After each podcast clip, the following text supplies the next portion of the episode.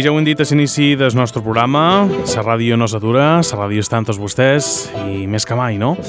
Però també avui, a part de mantenir-los informats no, de tot el que està succeint, els hi volem donar consells. Consells de lo que poden fer en aquests 14 dies d'estar confinats a Can Nostra.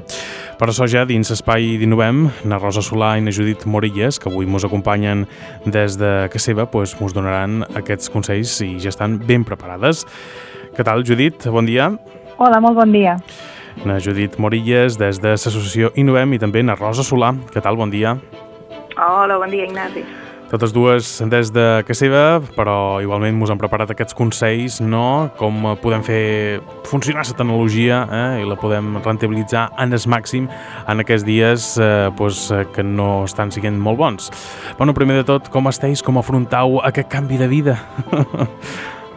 Bé, no, nosaltres estem bé i afrontem doncs, a poc a poc, una miqueta dia a dia, sense, sense fer grans projectes i grans expectatives, perquè bé, la, la situació està sent prou, prou crítica i prou incerta per tothom. Nosaltres, com a associació Innovem, tenim l'espai de coworking on hi treballen 24 persones, amb, 24, amb 21 empreses diferents, 20 dels quals som autònoms o petits empresaris i 4 persones per compte aliena. Clar, nosaltres ens hem, ens hem tingut que organitzar d'una altra manera perquè la gran majoria de persones que assistíem diàriament en el coworking doncs durant el cap de setmana i durant encara avui i demà s'estan preparant els llocs de feina a casa. El que passa és que aquesta comunitat que formem i innovem l'estem intentant mm, traslladar en el món virtual, cadascú des de casa seva i amb les eines que ens permet la tecnologia, doncs seguir estant en contacte. I és més, durant el cap de setmana hem estat pensant en com oferir una sèrie de consells per pròpia experiència i eh, amb informacions que anem recollint de moltes iniciatives que hi ha a xarxes oferir-ho doncs, en els seguidors que tenim d'Innovem i de xarxes, consells que van des de, des de com afrontar el teletreball a casa amb fills o sense fills, perquè hi ha qui, qui té els fills a casa també i hi ha qui no té els fills, um, les opcions d'oci que tenim, perquè hi ha moltíssimes iniciatives a nivell virtual per, per compartir oci, música, museus, Després també anirem recollint eh, mesures que s'estan prenent econòmiques d'ajuda per autònoms o no, això ho anirem veient els propers dies, i consells de vida familiar i, i de formacions online, etc. I és una miqueta el que volíem compartir ara nosaltres en aquest, en aquest programa que tenim quinzenal. Sort de la tecnologia, no? Perquè això, si arriba a passar un poquet, eh, pues, diguem, fa no tant de temps, quan no hi havia tanta tecnologia, ho hauran passat encara pitjor. No? Exacte, sort de la tecnologia. Sí, sí. ho dic sobretot sí, sí. no per l'entreteniment, sinó uh, per la manera de fer feina, no? Ara Exacte, ho per la manera de fer feina. Mhm. Sí, nosaltres ara també estem experimentant, perquè de fet per, per coordinar-nos una miqueta entre tots, també estem provant diferents aplicacions i, de, i diferents sistemes. Clar.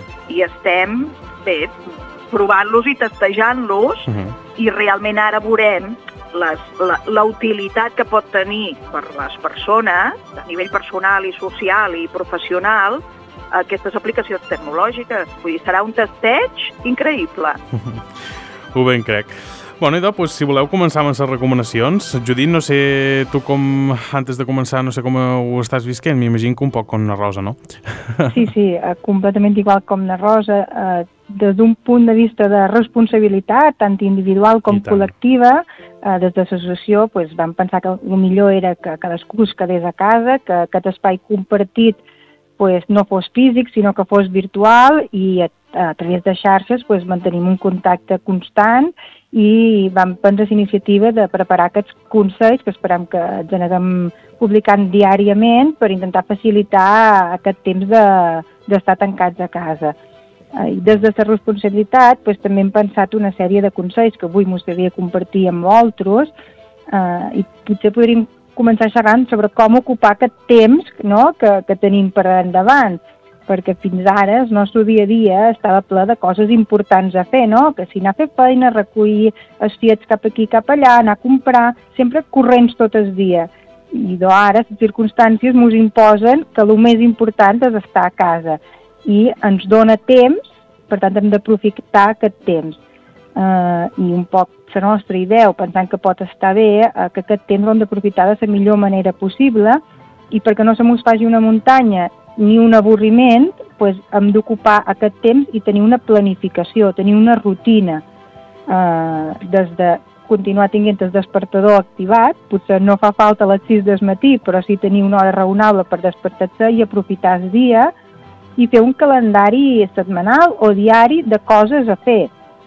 Coses des de llegir aquest llibre que fa molt de temps que teníem pendent de llegir, eh, fer petites reparacions domèstiques, ser creatius i escriure o pintar, eh, netejar i també dedicar temps a avançar sempre que es pugui eh, la nostra vida laboral i professional des del punt de vista que sigui possible. Eh, a nivell personal, crec també important, pues, eh, no podem fer una vida social presencial, però sí que la podem fer virtual. Per tant, uh -huh. telefonats amics, a familiars, demanar com estan, si necessiten alguna cosa, per tant, mantenir aquest contacte social encara que no, que no sigui presencialment, no? I abans xerràvem del tema de si tenim fills, eh, que fem amb els fills a casa.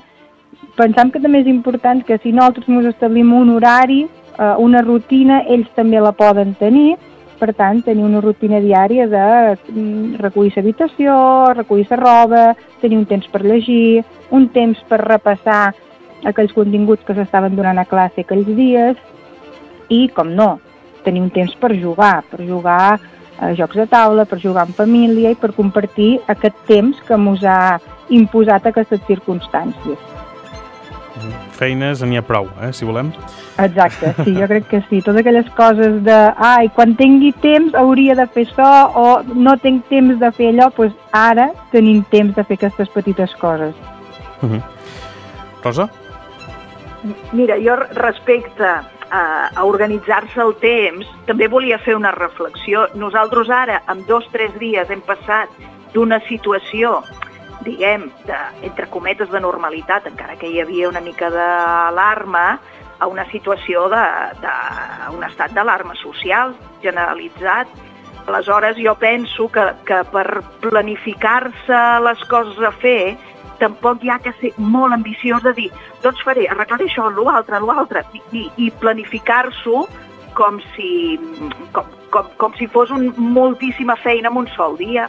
Hem de ser una miqueta reflexiu i deixar-nos aquests dies, que tindrem segur dos o tres dies, una miqueta d'adaptació, perquè uh -huh. realment és, és un canvi de situació molt forta. Vull dir que, que, que hem de ser amb nosaltres mateixos, ens hem de permetre eh, començar a reduir el ritme i, i anar a poc a poc. Perquè jo crec que això m'us ha agafat un poc eh, de sopetón a tothom, no? M'us ha agafat d'imprevist, sí. perquè, bueno, pues sí, sí este allà hi havia una possibilitat, però no m'us ho acabaven de creure, i clar, ara m'us ha vingut així de repent, estat d'alarma i tothom tancat i, bueno, pues jo me sembla Exacte. que encara no m'ho feia idea. I ara és una idea. miqueta, clar, mm. començar a organitzar-se, o sigui, qui treballa a casa i, i fa estona que no ho fa o no ho ha fet mai, doncs clar, pot, pot, eh, pot començar aquest, aquests dos primers dies a organitzar-se una miqueta, doncs un petit espai on treballar, organitzar que si té prou, prou, prou de wifi, prou connexió a internet,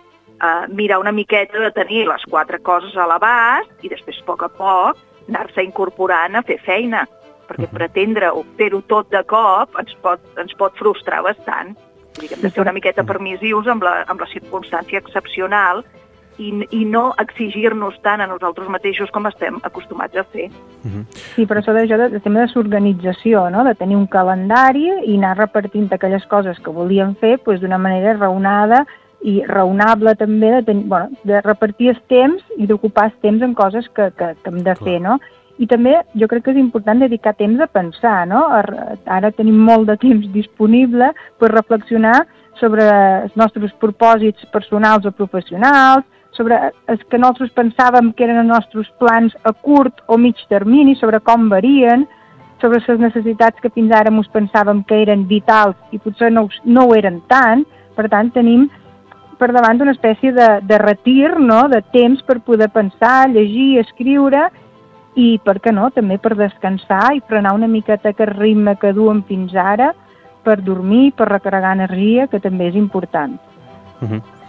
Rosa, Judit, eh, ja per anar tancant el programa, no sé si se mos queda algun estinter, eh, però m'agradaria que llençàssiu un missatge a tota aquella gent que diu, bueno, és menor, que tampoc no mos hem d'alarmar, nosaltres podem, podem seguir anant d'excursió, tot això, no? Poc un missatge conscienciador, que els diríeu a aquesta gent? perquè clar, hi ha persones que encara no se fan molt bé idea i que no són prou responsables. Mm, bueno, per part eh, meva personalment, eh, jo crec que tots hem de ser molt conscients de la situació, que si volem que això passi el més ràpid possible hem de ser responsables, eh, evitar qualsevol tipus de contacte, eh, estar a casa, aprofitar el temps de la millor manera possible, aprofitar, com dèiem al principi, les oportunitats que ens donen les xarxes, eh, per aprendre noves coses, per veure concerts, que la cultura s'està movent i està oferint concerts gratuïtament eh, de manera online, eh, per fer esport des de casa, que també es pot fer, eh, per tant, aprofitar el temps d'una altra manera i estar a casa, sobretot, sobretot, l'únic que ens demanen els experts, els sanitaris, és que estiguem a casa, per tant, jo crec que és una cosa molt bona de fer i estem a casa tranquils i de, crec que és la manera de que tot passi el més ràpid possible. Uh -huh. Exacte, jo estic, estic d'acord amb la Judit. Quedar-se a casa, ser responsables i, i solidaris amb, amb, amb els altres. Pues no tenim temps per més. Moltes gràcies per igualment haver estat aquí a Canal 4 Ràdio i rellenar aquest espai com ho fem cada dilluns sempre pues, que podeu, no? Cada 15 dies Gràcies igualment eh, per portar-nos aquests eh, graners d'arena no? i ajudar-nos a fer un poc eh, més amable el nostre dia a dia de confinament. Gràcies Judit eh, Morilles i gràcies Rosa Solà des de Innovem. Molt moltes gràcies moltes a vosaltres. gràcies a tu i, i, i, fo, i ànims a vosaltres. Sí, sí, nosaltres ens queda una bona ratxa encara per endavant. Exacte. moltes gràcies i adéu. bona setmana. Fins d'aquí 15 dies. Adéu, adéu. adéu.